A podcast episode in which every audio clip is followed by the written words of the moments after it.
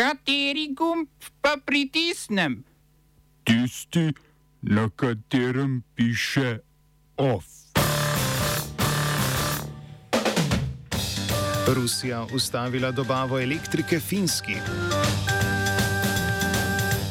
Švica na referendumu potrdila intenzivno sodelovanje s Frontexom. Indija prepovedala izvoz pšenice. Poplava lažnih bombnih preplahov v beograjskih šolah. V akademskih 15 pa kaj o šolstvu piše v novi koalicijski pogodbi.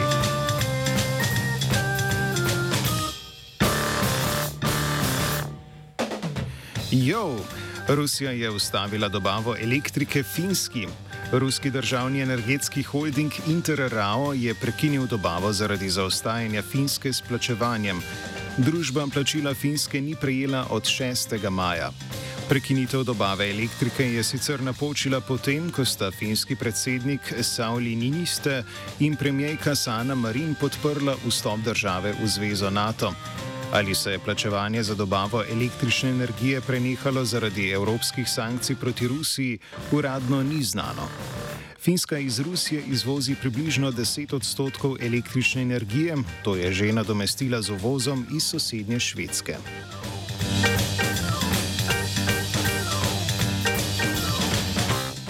Selimo se na Mačarsko, kjer je Viktor Orban sestavil že svojo peto vlado. Namestnik premijeja ostaja Žolt Šemjen, prav tako bo na položajih ostalo še šest ministrov in ena ministrica, ki je edina ženska v vladi.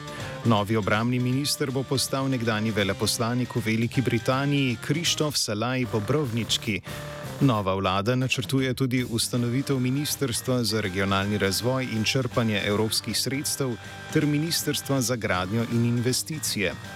Pristojnosti na področju prej samostojnega ministrstva za šolstvo pa bodo pripadle Ministrstvu za kulturo in inovacije. Indija je začela z omejevanjem izvoza pšenice, s čimer poskuša nadzorovati naraščanje cen. Izvoz žita bo dovoljen v primeru pošiljk, za katere je bila garancija izdana pred vladno prepovedjo izvoza. Prav tako bo izvoz lahko potekal na podlagi dovoljenja, ki ga indijska vlada izda drugim državam na zahtevo njihovih vlad za izpolnitev potreb po preskrbi s hrano.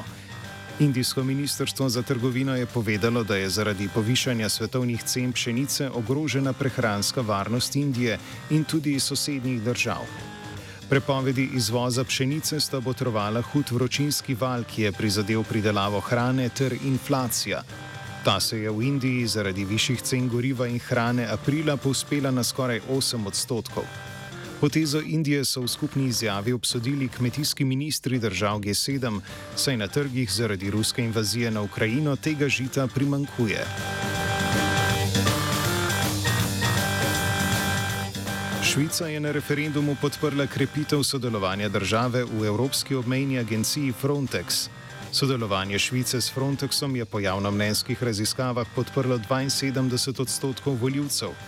Tako vlada kot parlament sta sodelovanje z agencijo podprla že pred referendumom.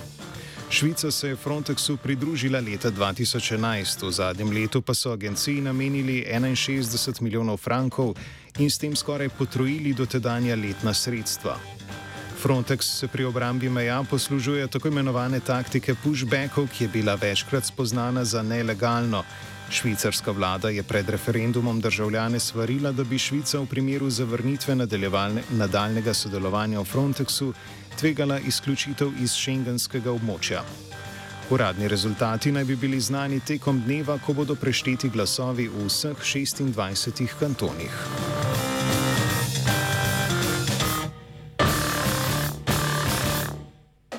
Na deželnih volitvah v severnem Porenju Vestfali so socialni demokrati trenutnega nemškega kanclerja Olafa Šolca izgubili proti stranki krščanskih demokratov. Krščanski demokrati, krajši, krajše CDU, so dosegli 37 odstotkov glasov, s čimer so rezultati iz leta 2017 izboljšali za dve odstotni točki. Na drugo mesto so se uvrstili opozicijski socialdemokrati, ki so dosegli 27 odstotkov glasov. Presenetila je tudi stranka zelenih, ki je prejela 18 odstotkov glasov in s tem potrojila rezultat iz leta 2017. Liberalci, trenutni koalicijski partnerji CDU, pa so dosegli le 6 odstotkov glasov.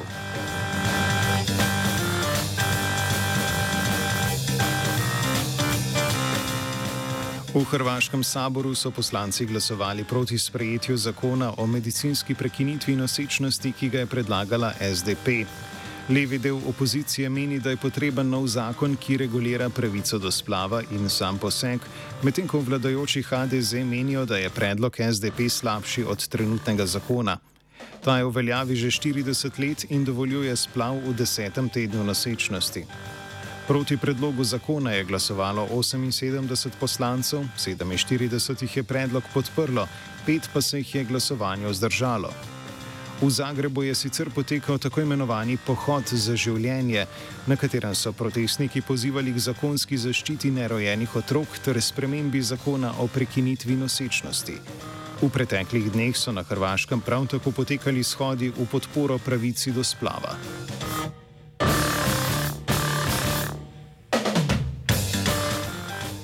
V Združenih arabskih emiratih so izvolili novega predsednika, sicer dolgoletnega dejanskega vladarja šejka Mohameda bin Zaedala El Nahyana.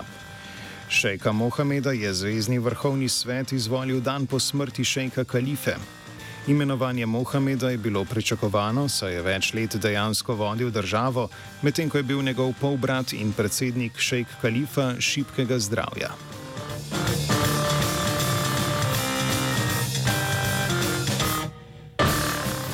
Skoraj 100 osnovnih in nekaj srednjih šol v srpskem glavnem mestu Beograd je prejelo opozorilo, da se v stavbah nahajajo bombe.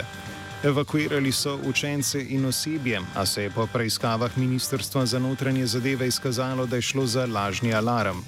Prijave o domnevnih bombah pa so prejeli tudi v živalskem vrtu in na železniški postaji. Oba, če, če bom odgovoril na angliški.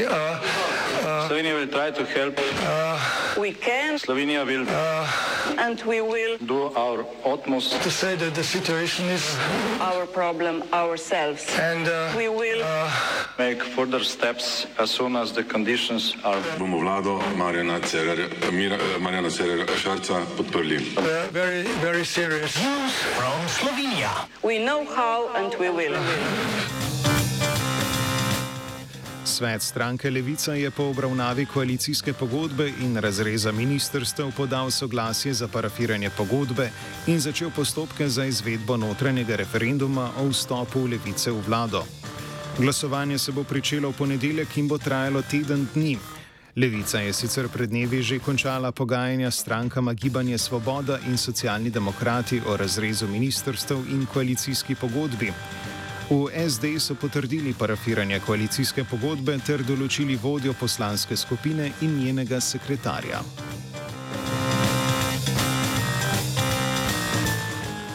OF je pripravila Tija.